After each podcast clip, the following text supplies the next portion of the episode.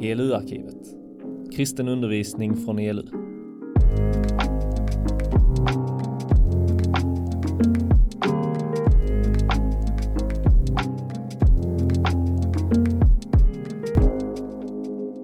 Ja, det är jättekul att jag får vara här. Jag hade de eh, lite äldre ungdomarna i förmiddags, 19 plus, och eh, eh, hade en fin förmiddag med dem. Och eh, jättekul att få ha möjlighet att ha det här seminariet också nu.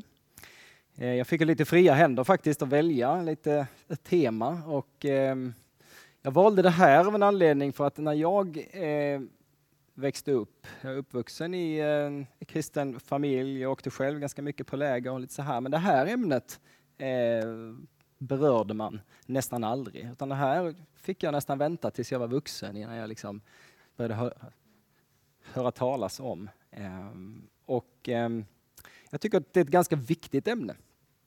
Eh, det är en viktig ehm, vetskap att ha med sig att eh, vi är insatta i en andlig kamp, vare sig vi vill det eller inte. Eh, så är det så vår tillvaro ser ut. Och jag tänkte bara idag dela lite några enkla grunder om vad den här andliga kampen egentligen är, eh, hur den eh, ser ut, hur den kan ta sig uttryck och hur man kan tänka som eh, kristen är att eh, hur kämpar vi eh, trons goda kamp? Ehm, eh, och det är varmt idag och eh, vi ska ta lite paus och eh, ni får gärna, eh, om ni har lite frågor under tiden, så räck upp handen så gör vi det här eh, tillsammans. Som allt annat, höll jag på att säga nästan, i den eh, kristna tron eh, så eh, behöver man också ta sin utgångspunkt här i egentligen i skapelseberättelsen, berättelsen om skapelsen och syndafallet. Jag brukar säga väldigt ofta när jag har undervisning, i princip i vilket ämne som helst, att eh, ska man begripa Bibeln, ska man verkligen få grepp om vad Guds ord vill säga, då är första Mosebok kapitel 1, 2 och 3 oerhört grundläggande. För därifrån utgår väldigt mycket sen utav det som händer eh, i resten utav eh, vad resten utav Bibeln egentligen handlar om. Så de första tre kapitlen i Moseböckerna eh, är oerhört viktiga att ha med sig för att begripa resten. Och det gäller också faktiskt den andliga kampen. Den andliga kampen kan ju mycket väl sägas en berättelse om hela mänsklighetens historia. Enligt första Mosebok så dröjer det inte jättelänge innan Gud har skapat allt, innan Gud har skapat människan och han bara blickar ner på allt det här och liksom konstaterar att allt är så fantastiskt gott Människan lever där i en fulländad relation till skapelsen, till varandra, till Gud. Allting är bara harmoni. Så dröjer det inte särskilt länge innan eh, någonting händer. Eh, ondskan eh, tränger in i världen. Det beskrivs som en skepnad av en orm som börjar tala med människan. Som börjar förföra människan, som börjar lura människan, som börjar bedra människan. Och egentligen från den eh, stunden, när människan väljer att då inte längre bara lyssna till Guds röst och Guds ord, utan också väljer att börja lyssna med ett annat öra på några andra eh, eh, på någon annans ord eh, och väljer att eh, gå bort ifrån det som Gud har sagt. Där börjar egentligen den här eh, kampen mellan då en god, och sann och evig Gud och en ond eh, makt som står emot Gud och som vill egentligen förgöra och rasera och riva ner allt det som Gud har byggt upp. Allt det där som var gott och fulländat och härligt och harmoniskt det vill den här onda makten eh, riva ner och förstöra, föra människan bort ifrån. Och det, så det här är sedan dess egentligen en, en strid som rasar om människan eh, och även, vi ska återkomma till det, i människan. Men Gud är ju i det här då inte en frånvarande Gud, utan Gud är högst aktiv i den här kampen. Och det visar sig redan också från början. Det som händer när människan då har gjort det här eh, liksom upp, upproret mot Gud, gått sin egen väg.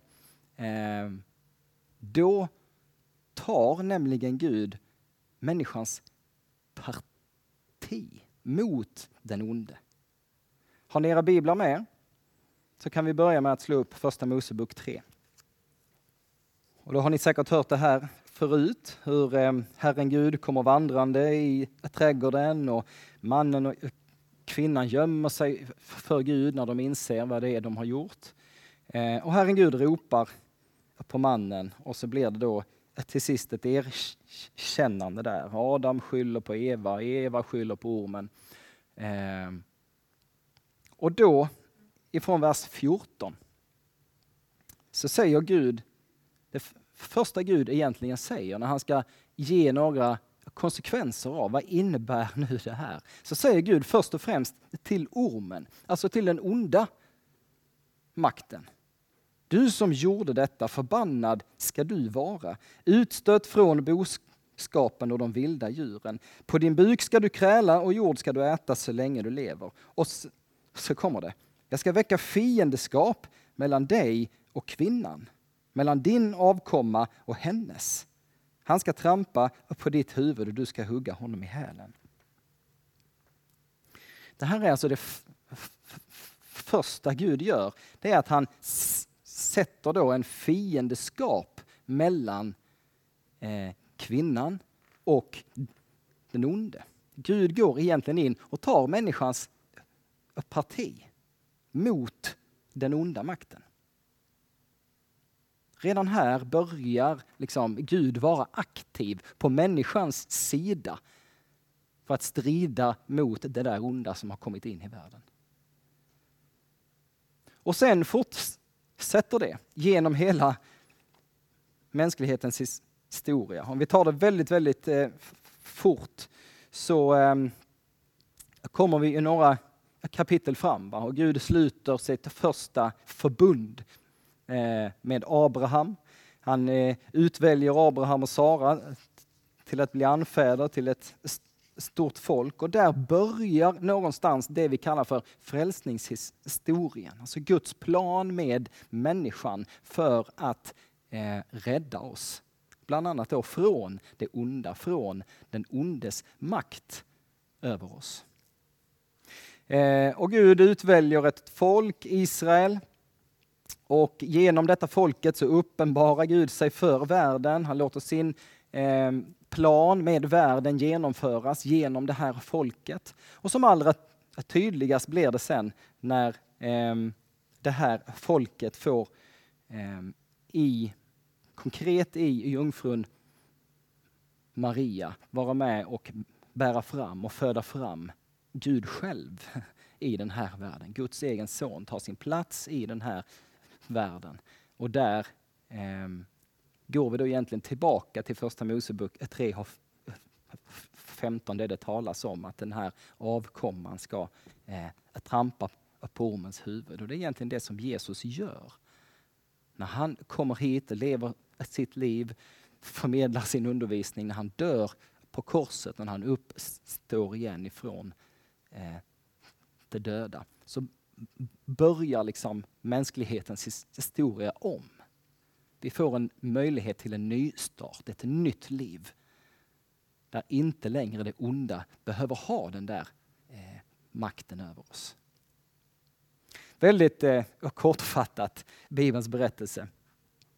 Eh, och Det man behöver ha med sig när man talar om den andliga verkligheten, det är att det materiella och det synliga. Eh, den synliga världen som vi ser och iakttar och lever i varje dag. Och den andliga dimensionen, den andliga verkligheten, den hör ihop. Och vi har ofta ganska svårt med det här, därför att vi är mycket mer i västvärlden präglade av den, den gamla grekiska idealismen, där man väldigt mycket mer skiljer på eh, materia och ande. Det synliga och det osynliga.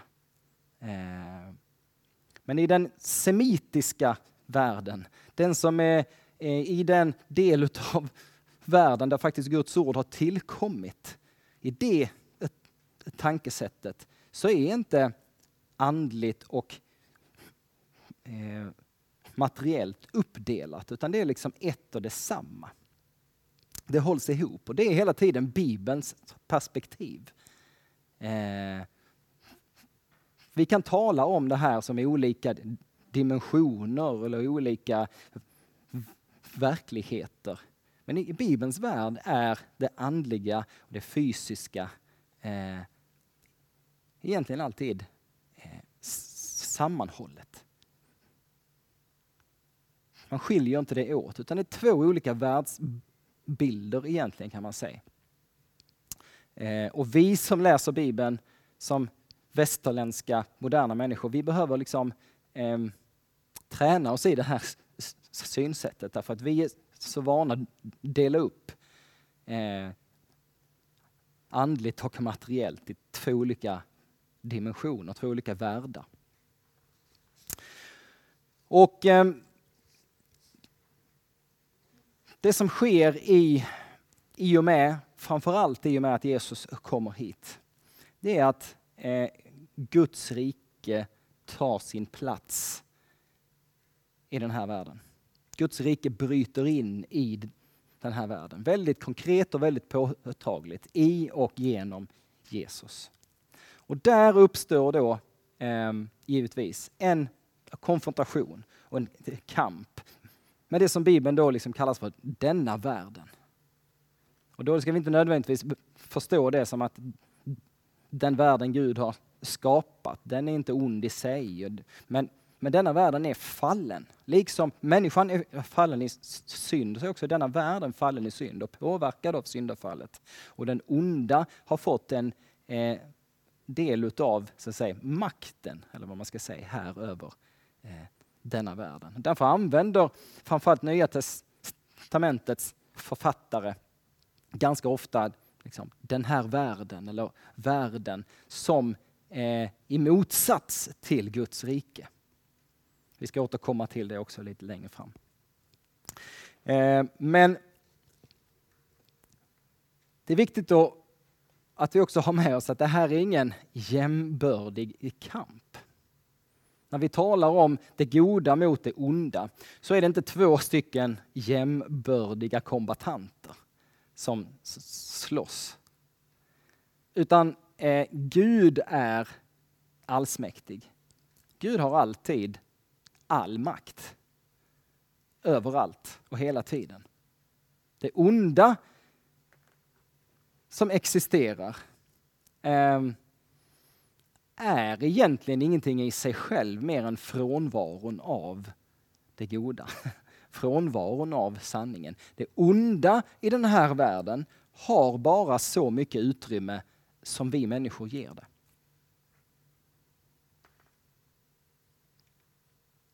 Det onda i ditt och mitt liv har bara så mycket utrymme som du och jag ger det. Det onda kan aldrig liksom ta sig utrymme i ditt liv eller ta sig utrymme i den här världen av sig själv. Utan bara genom det vi tillåter det att göra. Det är ungefär som ett, eh, alltså, jag brukar tala om, om det onda, den onda makten som eh, till exempel ett hål. Ett hål är ingenting i sig självt, utan det är liksom frånvaron av jord. Någon har grävt upp jord och så har det blivit ett hål. Men ett hål, ett hål är liksom ingenting i sig själv. Eller bilden som många gånger används i Bibeln, mörkret. Mörker är heller ingenting i sig självt. Utan det är bara frånvaron av ljus. Och mörkret har ingen eh, reell makt. Om du har två stycken eh, rum bredvid varandra. Det ena är mörkt, det andra är upplyst. Och så öppnar du en dörr mellan dessa båda rum. Så är det inte så att mörkret tränger in i det ljusa rummet. Eller hur? Utan ljuset är ju eh, starkare än mörkret. Mörkret har ingen reell makt mer än det vi ger det. Och Det där är viktigt att ha med sig. Vi slår upp första Petrusbrevet 2 och 9. Den här andliga kampen talas ju om i Bibeln i ganska många olika termer. Det här är ett av dem, va? kampen mellan mörker och ljus. Och Guds rike är ju då ljusets rike och den ondes rike är mörkrets rike. Och då skriver Petrus, en av de främsta lärjungarna, eh, i första Petrusbrevet 2 och 9. Men ni är ett utvalt släkte, ni är kungar och präster, ett heligt folk, Guds eget folk som ska förkunna hans storverk. Han har kallat er från mörkret till sitt underbara ljus. Och det här är då bilden av eh, människan. Utan Guds rike, utan att vi har eh, tagit emot och släppt in Jesus i våra liv, så lever vi i den här världen. Vi lever i mörkret. Men vi har blivit kallade och vi har blivit befriade från mörkret in i eh, Guds underbara ljus. Och blivit Guds folk. Så mörkret mot ljuset är en väldigt vanlig ehm, bild utav den här kampen. Sen är det ända sedan Martin Luthers dagar. Ni vet att vi eh, tillhör den svenska kyrkan, evangelisk luthersk kyrka. En klassisk luthersk eh, förståelse av den här kampen. Då brukar man dela in den på tre olika områden. Och det första området handlar då om liksom, kampen i mitt eget liv. Bibeln talar om det då som eh, den här världen eller köttet. Kött Köttet är då en benämning på liksom den, den gamla människan. Människan som fortfarande lever kvar under syndafallets konsekvenser. Köttet, mitt eget kött, det jag själv vill, min egoism, allt det där. När man blir en kristen, när man tar emot Guds heliga ande, när man fylls av eh, ljuset, så eh, är det förmodligen varje kristens upplevelse och erfarenhet. Att det börjar en kamp i det egna livet. Saker som nu den nya Guds rikes influenser vill att jag ska göra och tänka och leva i. Samtidigt som jag liksom, mm, jag är kvar i den här världen, jag är kvar i min gamla människa. Jag vill också liksom fylla mina egna lustar, mina egna begär. Jag vill gå min egen väg, jag vill vara min egen Gud. Och samtidigt vill jag ju liksom ha allt det som, som Gud vill för mig. Och det här skapar en konflikt i oss människor. Ehm, det blir en andlig kamp liksom inom oss själva. Och redan eh, Paulus, en av de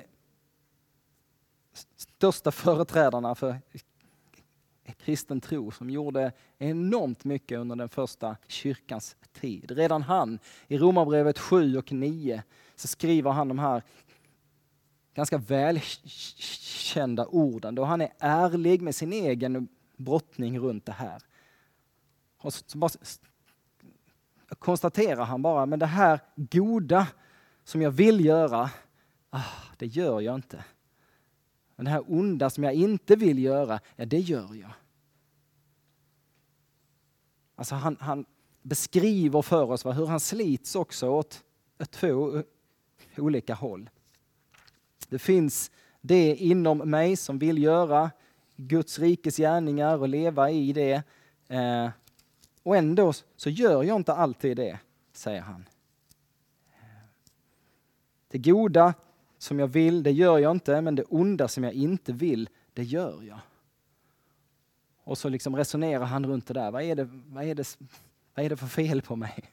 Eller vad är det som händer? Men det är den här kampen som pågår i våra liv. Så det är det första området där den här andliga kampen sker. Det är, det är liksom inom oss själva. I våra egna liv. Gud vill inget annat än att rädda oss, frälsa oss, föra oss till sitt rike. Och samtidigt då så finns det en annan makt som vill dra oss bort från Gud, vill dra oss bort från Guds vilja. Som inte vill att vi ska hamna eh, där. Och den här kampen märker vi ofta ganska påtagligt i våra egna liv. Sen är det då den andra dimensionen, kampen mot den här världen. Där man som kristen, eller som en kristen församling eller kyrka ibland kan känna sig lite främmande eller vad man ska säga, lite, lite, lite som en alien i den här världen. Därför att man vill plötsligt leva på ett sätt som inte är i enlighet med den här världen.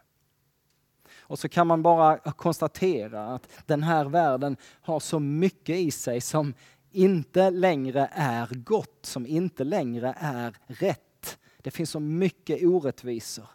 Det finns så mycket missbruk, det finns så mycket misär, det finns så mycket fattigdom. Och vi ser det här liksom dagligen och vi hör om det på nyhetsrapportering och alltihopa. Hur den här världen bara är, ah, den mår inte bra, den är fallen, den är skadad. Och människor genom alla eh, tider har ju insett detta och försökt på olika, massa olika sätt att, att reparera det här.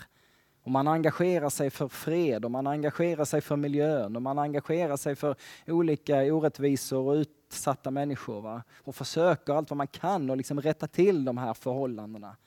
Alla olika ismer som har uppstått stått genom mänsklighetens historia är ju e-, e-, egentligen liksom försök att göra någonting, liksom ställa till rätta allt det som vi ser är galet i den här världen.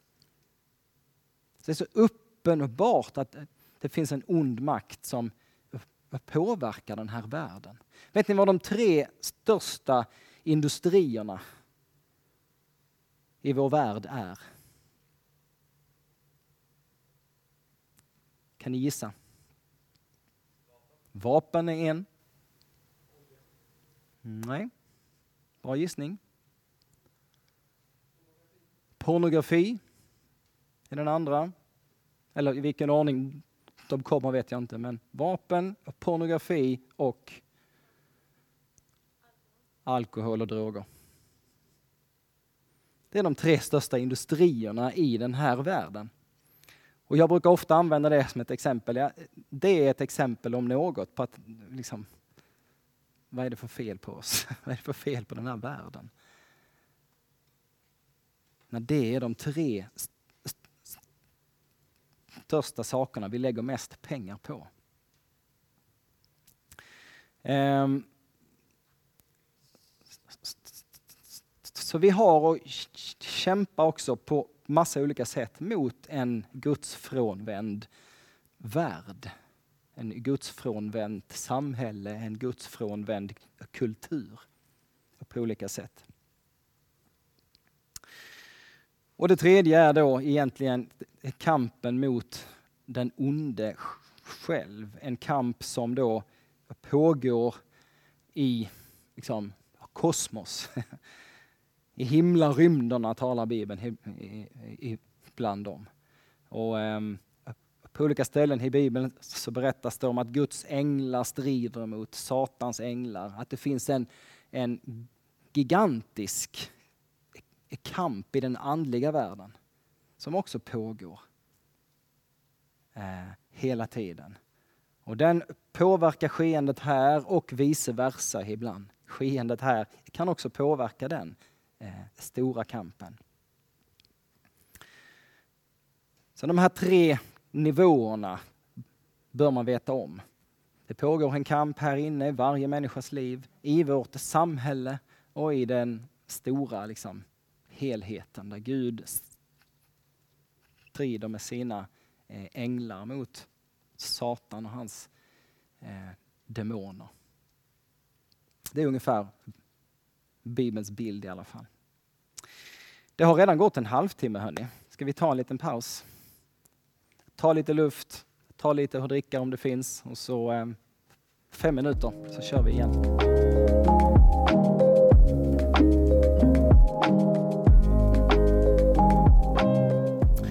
Alright, vi ska gå vidare och så ska vi bara eh, lista några saker som jag tror är, är, är bibliska när det gäller det här. Vi ska slå lite och läsa i vår bibel så ni kan vara beredda på det. Ehm, jag ska bara konstatera också som utgångspunkt, alltid när man talar om den andliga kampen så finns det alltid en viss dimension av liksom kanske att man, eh, man blir lite ängslig eller lite rädd eller liksom vad är det här? Och, och det där är liksom också bara att vi som kristna har egentligen ingen anledning att vara rädd. Därför att vi är per definition på den segrande sidan. Jesus har i sin död och uppståndelse liksom vunnit en seger över den onde, över ondskans makt. Ehm, och så länge vi åberopar Jesu namn, så länge vi tillhör honom, så länge vi lovsjunger honom, ehm, så kommer den onde aldrig att få det där inflytandet över oss som han vill ha. Ehm, utan vi ska alltid veta det, att vi är på segrarens sida. Vi är, Jesus har alltid eh, mer makt eh, än den onde i alla avseenden. Så det finns egentligen ingen anledning till rädsla, det finns ingen anledning till liksom, oro. Mer bara en medvetenhet om alla de här grejerna. Är ni med? All right. Eh, Kampen mot den onde den kan definieras på många olika sätt. Och det första är då ett medvetande om att det faktiskt finns en personlig ond makt. Det där är eh, grundläggande eh, ABC nummer ett. Och det är tyvärr ganska många, eh, även kristna idag, eh, som kanske inte riktigt tror detta, inser detta eh, tron på liksom en djävul, en, en ond personifierad makt är det ganska många som har liksom lite grann lämnat därhän. Och jag tror att det spelar bara djävulen rakt i händerna. Att vi inte tror att han existerar, det tjänar bara han på. Ehm, och, och ehm, Jesus han säger bland annat i Johannes 10 och 10, om ni kan slå upp det, så talar Jesus om sig själv som den gode herden. Den som för sina får på bete och in i follan och är, visar omsorg och vill fåren väl. Men så nämner också Jesus att det finns en tjuv. Eh, tjuven har kommit, säger Jesus, för att slakta och döda och förgöra. Det är lika bra jag läser ordagrant. Tjuven kommer bara för att stjäla, slakta och döda. Jag har kommit för att de ska ha liv och liv i överflöd. Um, och I Efesierbrevet 6 här så talar Paulus om ondskans makt krafter i himlarymderna. Eh, bara den här medvetenheten om att det finns en ond personlig makt eh, som står Gud emot och som vill riva ner och rasera allt det som Gud har byggt upp. Det finns en väldig naivitet bland eh, Sveriges befolkning, också bland kristna idag, när det gäller andlighet. Därför att vi lever någon, med, med en naiv bild om att all andlighet är god andlighet. Om det överhuvudtaget finns någon andlig dimension så är den i alla fall god. Väldigt, väldigt få människor är uppmärksamma på när man sysslar med olika typer av österländsk andlighet eh, som liksom har vält in över vårt land de senaste 10, 20, 30 åren i olika former. Väldigt, väldigt få människor är uppmärksamma på vad är det här egentligen? Som man släpper in i sitt liv, som man ägnar sig åt. Eh, och det är bara så att all andlighet är inte god andlighet. Därför att det finns en ond andlig makt som står Gud emot. Och Det här behöver man vara vaken på och uppmärksam på. Det andra är, som vi egentligen redan har konstaterat, det är att det står då en andlig kamp om varje människas själ. Eh, Gud vill och Gud längtar efter, läser vi i Bibeln, att varje människa, alla människor ska komma till insikt om sanningen och bli räddade. Det är Guds intention. Eh. Men djävulen vill motsatsen. Ni kan slå upp och läsa andra Korintierbrevet 4.4. Så talar eh, Paulus där om hans uppdrag och berättar lite om, om vi läser redan från vers 3, så säger han så här. Om mitt evangelium är dolt så är det dolt för dem som går förlorade.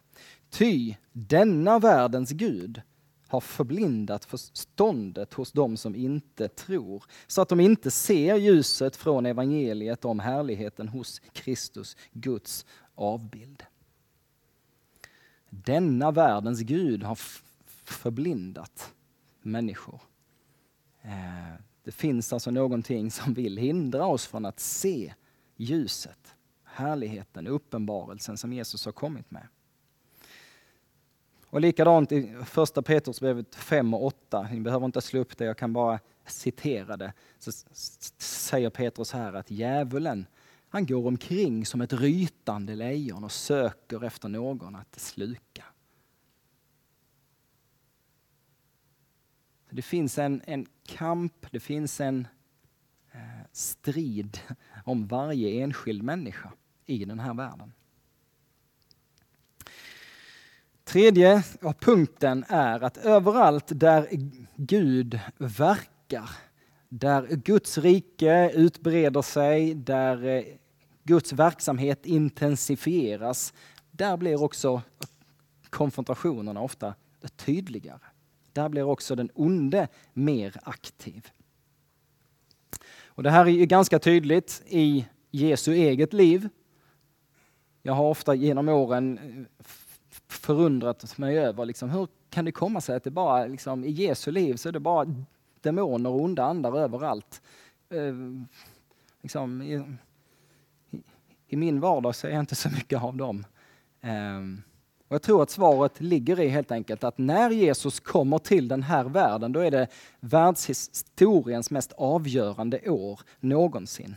Gud, liksom, nu ska Gud åstadkomma det han har lovat från syndafallet och framåt. Han ska sända sin egen son för att rädda den här världen. Och då blir det en ökad intensifiering också från den ondes sida. Då försöker den onde allt vad han kan att liksom motverka detta och därför manifesterar sig den onde så oerhört tydligt runt Jesus och i den kamp som Jesus går in i. Eh, och jag tycker mig se det mönstret fortsatt likadant i vår egen värld. Eh, som vi nämnde här så arbetade jag fyra år i Mekaneserkyrkan i Etiopien. En kyrka som har vuxit helt eh, ofantligt mycket de senaste 40-50 åren. Från början av 90-talet ungefär så var man i en kyrka på mm, runt liksom kanske, ja, om vi räknar högt, en miljon medlemmar. Och idag är man över 10 miljoner medlemmar. Man har vuxit liksom i en lavinartad. Eh, och i, i det sammanhanget, i den kontexten, när vi var ute och, och hade lite konferenser och liknande, där fick jag också se och uppleva sådana här saker, hur den, hur den onde sidan manifesterade sig i människor, i eh, situationer. Eh, därför att det här Guds rike liksom var på gång. Guds rike bredde ut sig. Och då blir den onde också mer aktiv. Man kan avvända den ondes attacker på olika sätt. Och det här får vi också kunskap om i Guds ord. Eh, bön givetvis är en eh, grundläggande, väldigt viktig sak. Bön i Jesu namn, be om Guds beskydd eh, över saker och ting. Att proklamera bara Jesu herravälde över sitt eget liv, över ett läger, över ett område, vad det än är. Men också enhet är ett sådant vapen att använda för oss kristna. Ehm, djävul på eh, grekiska, diabolos, det betyder ordagrant den som sliter isär. Eller den som söndrar. Och det är egentligen vad den onde vill. Han vill slita isär. Och det gäller också eh, relationer eh, mellan kristna. Det kan gälla relationer, vänskapsrelationer, det kan gälla äktenskap, det kan gälla familjerelationer. Eh, det älskar den onde att slita isär och förgöra. Därför kan det vara väldigt viktigt eh, att be och värna om enheten. I eh, familjerelationer, i äktenskap, i vänskapsrelationer, i eh, förhållandet mellan kyrkor, mellan samfund, i kristna emellan. Ett väldigt viktigt vapen i den andliga kampen. Enheten. Och eh, ordets förkunnelse, givetvis. Att proklamera Guds ord, att läsa Guds ord. Eh, att konfrontera den onde med Guds sanningar. Med Guds löften. Med Guds nåd och kärlek. Och det är egentligen eh, vårt huvudvapen i den andliga kampen. Jesus visar oss det här själv. I Matteus 4, så precis innan han inleder hela sin verksamhet, så förs han ju ut av anden i öknen. Under 40 dagar är han där och vi får ett litet eh, smakprov där av hur han frestas av djävulen, hur han prövas av djävulen där. Ehm, och hur han hela, hela tiden bara svarar den onde med det står skrivet. Det står skrivet. Det står skrivet. Och det här begriper ju då efter ett antal försök den onde. Så han försöker också efter andra eller tredje gången komma med ett bibelord. Ja, men det står ju så här Jesus, va? att eh, han har lovat att eh, bevara din fot om du eh, eh, bla bla bla. Så den onde försöker då också använda Guds ord mot Jesus.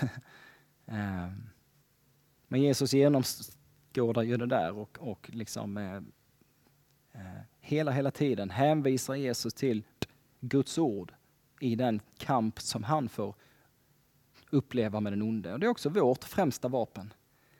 Eh, vi behöver ha kännedom om Guds ord. Vi behöver veta eh, Guds löften, Guds sanningar. Vi behöver ta in det i våra liv. Vi behöver proklamera det.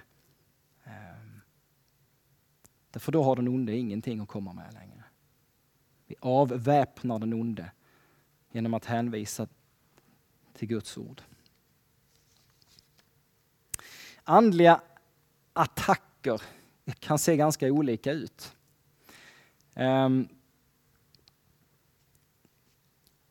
de kan faktiskt ta sig uttryck som en början många gånger så kan det se ut som lite olyckliga, slumpartade händelser. Tekniken kanske strular eller man glömmer någonting som man inte brukar glömma. Ehm, bilen startar inte eller man blir på dåligt humör utan liksom någon synbar anledning. Ehm, det uppstår fnurror i relationer. Sådana saker kan vara lite tecken på att här är det kanske någonting som inte står rätt till, någonting som är i görningen. Eh, och ju mer erfarenhet man har av det där, ehm, ju mer lär man sig att liksom kanske se det också på ett lite tidigare skede, hantera det. Ehm, eh, när Paulus i eh, Korintierbrevet, första Korintierbrevet 12 undervisar om de andliga nådegåvorna så är det en nådegåva som han lyfter fram, gåvan att skilja mellan olika andar. Och det där är en sån gåva som vi heller kanske inte talar så jätteofta om. Eh, det kan vara svårt att definiera den, liksom exakt vad det är. Men det är en viktig gåva, inte minst i den, eh, i den andliga kampen. Att ha någon eller några som har den här urskiljningsförmågan och kan avgöra vad är det här som händer just nu? Eh, vad är det här för skeende? Eh, och så kan man få hjälp att hantera det där. Jag tror att vi eh, går fram till eh, vi kan gå till Matteus evangeliet kapitel 10. Ehm, därför att jag tror att att ignorera den andliga kampen, eh, det är också tyvärr ett sätt att göra sig mer eh, sårbar för fiendens attacker.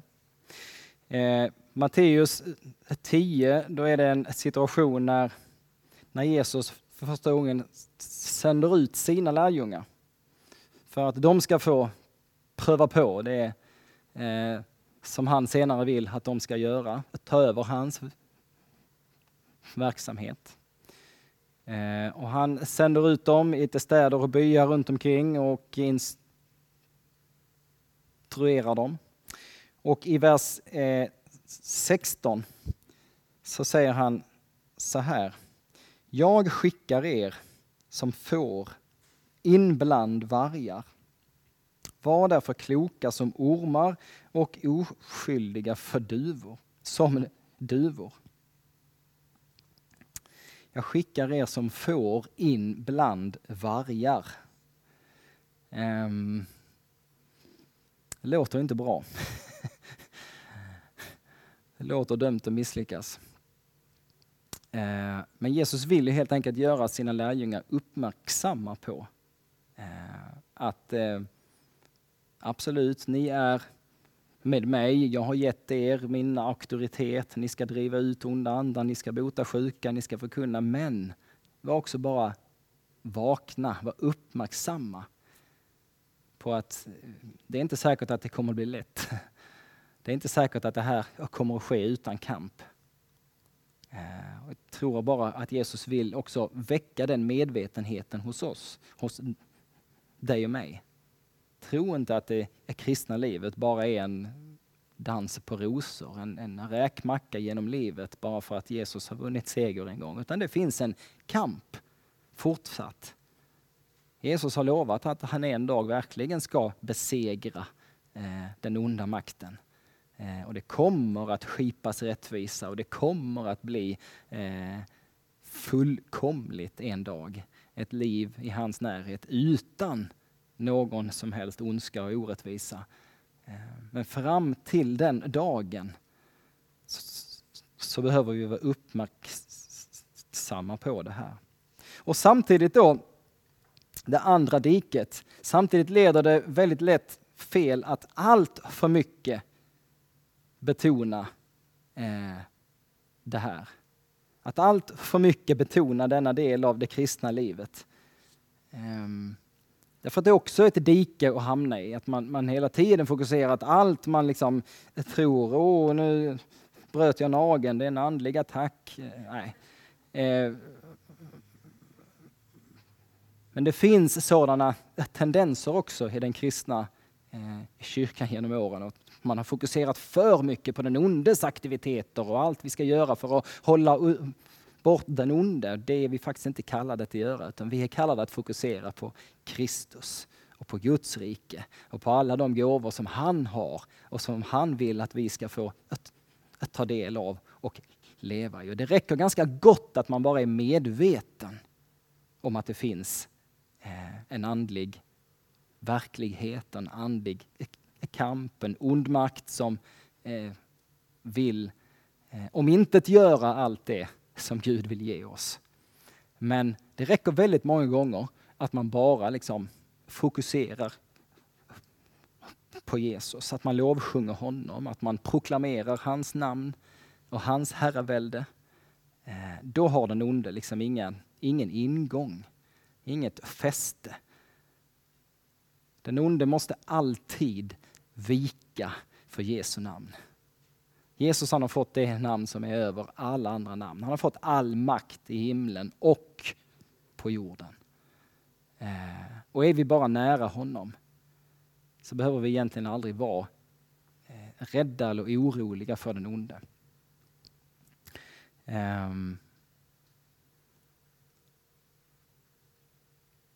så huvudbetoningen i vår bön, eh, det bör alltid egentligen bara vara liksom, Jesus, hans seger, eh, hans herravälde, hans rike. Då kommer vi väldigt, väldigt långt i den andliga kampen. Och för det mesta är det fullt tillräckligt att be om bara liksom Guds beskydd. Om Jesu blods beskydd över vårt läger, över vår familj, över eh, mitt arbete, vad det nu än är. Va? Och sen finns det absolut vissa tillfällen då, eh, då det kan vara läge att mer tydligt gå in och konfrontera det onda. Jesus han säger till sina lärjungar att han, han ger dem eh, nycklarna eh, till Eh, döden, dödsriket. Han säger allt vad ni binder på den här jorden ska vara bundet i himlen. Allt som ni löser på den här jorden ska vara löst i himlen. Så vi har fått en andlig auktoritet av Jesus och ibland så kan det vara ett tillfälle då man faktiskt behöver gå in och binda onda makter. Eh, och då är det ganska Ehm, egentligen är det, är det också ganska okomplicerat. Man ber i Jesu namn och man binder förvirringens ande över den här platsen eller vad det nu än är som man upplever. Ehm, eh, och det där finns mer att säga om givetvis, men i vissa stunder så kan man bara nämna det, att det går att också gå in och mer aktivt liksom, konfrontera det onda.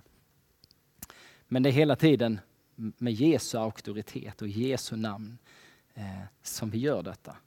Och de, som sagt, de allra flesta gånger räcker det fullgott att bara be om, eh, om Guds beskydd. Ja, det var åtminstone någonting om den andliga kampen. Är det någon som har någon fråga till?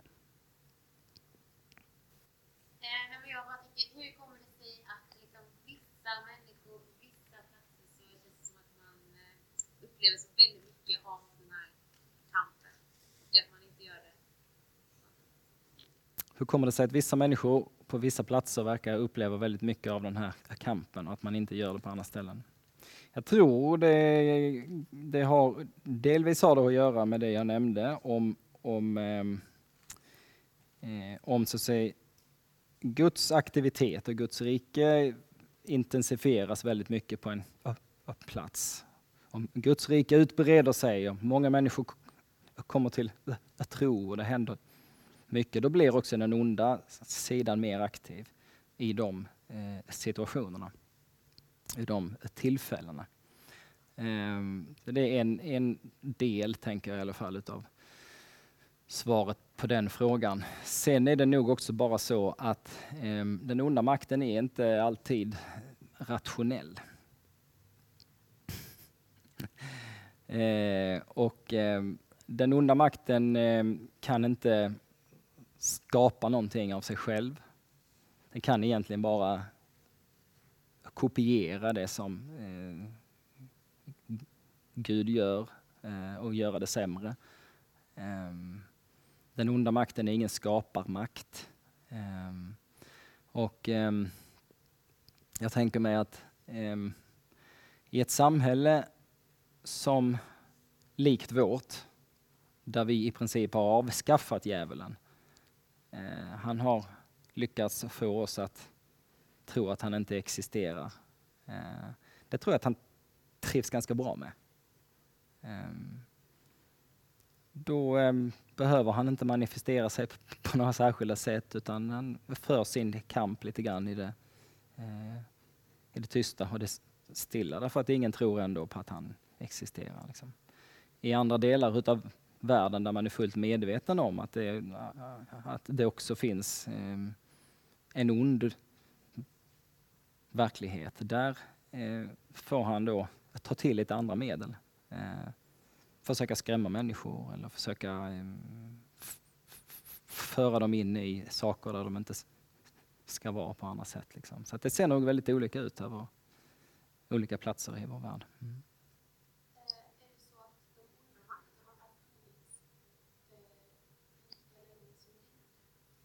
Är det så att de onda makterna har funnits lika länge som Gud?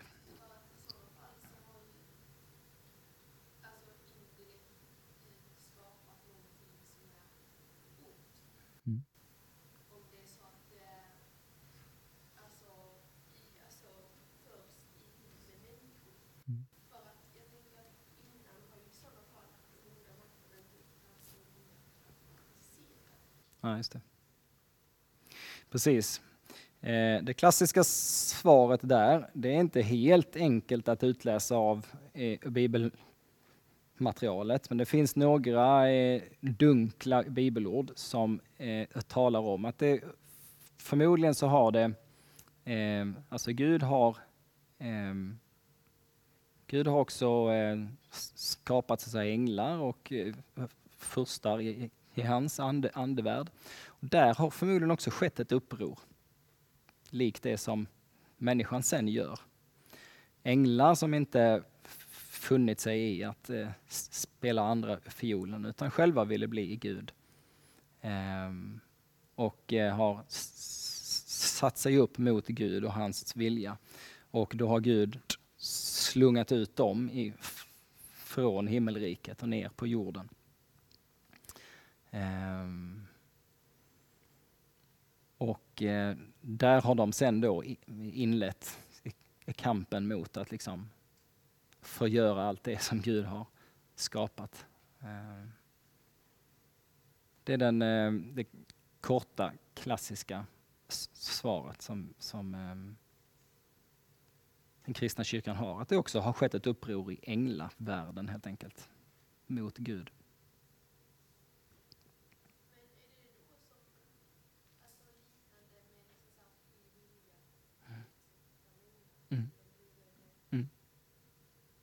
Precis. Ja. Det grundar sig också där i. Um, så jag vill berätta lite mer om nådegåvan att skilja mellan andar och hur man använder den. Um, jag tror att ni egentligen alla har varit med om um, man kan tala om till exempel när man kommer in i ett rum eller i en byggnad, att man kan eh, känna av olika atmosfärer. Eh, väldigt många människor vittnar ju om när man liksom kommer in i en gammal kyrkobyggnad, att det liksom, oh, där är en, där är liksom en atmosfär utav, eh, ja, eh, vi skulle eh, beskriva det som helighet eller liksom Guds närvaro men, men sekulära människor känner av liksom, men här är en stilla, här är ett, här är ett lugn, här är ett ro. Um, och i andra miljöer kan man komma in på ett diskotek eller någon fest och liksom känna att här, här, här är faktiskt något obehag. I, i, i, man kan inte ta riktigt på kanske vad det är, men man känner att, att, att atmosfären här är inte... Ja. Eh, och det där tror jag eh, kan användas för att beskriva något av den här nådegåvan som säger, förfinar de eh, känselspröten lite grann. Att man kan också eh, eh, avgöra kanske ännu tydligare liksom, en, eh, eh ett budskap eller en människa eller en, eh, ja. Eh, man kan få Jesu hjälp att urskilja lite, vad är det för ande som ligger bakom det här? Vad är det för andlighet som, som eh, rör sig här eller som finns här? Mm. Vad man gör med den informationen sen? Ja, eh, det kan man ju hantera på många olika sätt i, givetvis. Eh, antingen så eh, går man ju in då i, i bön för det man upplever om det är något obehagligt så kanske man ber i Jesu namn att det ska försvinna, att det ska, liksom, rummet ska få renas. Eh, eller, eh, beroende på vad det är man upplever eh, så kan man ju, ju mer konkret man kan be i den andliga kampen, ju bättre är det oftast. Att, att liksom nämna de här eh, and, andemakterna vid namn. Om, om det är otro man upplever, ja då ber man i Jesu namn emot otro och så ber man in liksom, den heliga Ande och mer att vi ska fyllas av tro. På, ja. Eh, så då hanterar man det där på olika sätt beroende på vad det är man upplever. Mm. Det finns mer att säga givetvis, men det var ett kort svar. Ja, jag märker att jag har åtminstone lyckats skapa en liten nyfikenhet kring det här ämnet hos er. Det gläder mig. Har vi en sista fråga?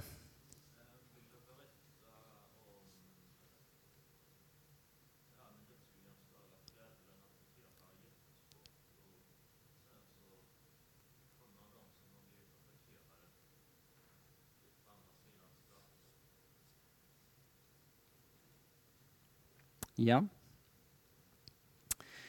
Eh, det är ju eh, helt uppenbart så att vi kan uppleva, eh, vi lever i en fallen värld, vi människor är eh, fallna. Och även som kristna så kan man ju eh, möta det onda väldigt konkret i form av att man blir sjuk eller man råkar ut för en olycka eller det blir eh, skilsmässa i äktenskapet eller ja, olika saker. Och det är ju inte, det onda är aldrig um, uh, det onda är aldrig uh, Guds vilja.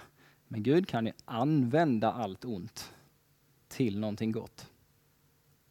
Så allt det vi går igenom, också det, det mest smärtfyllda och jobbiga och hemska och fruktansvärda, eh, kan Gud använda eh, till goda syften i det långa loppet. Jag har mött eh, ganska många människor i mitt, i mitt yrke som präst.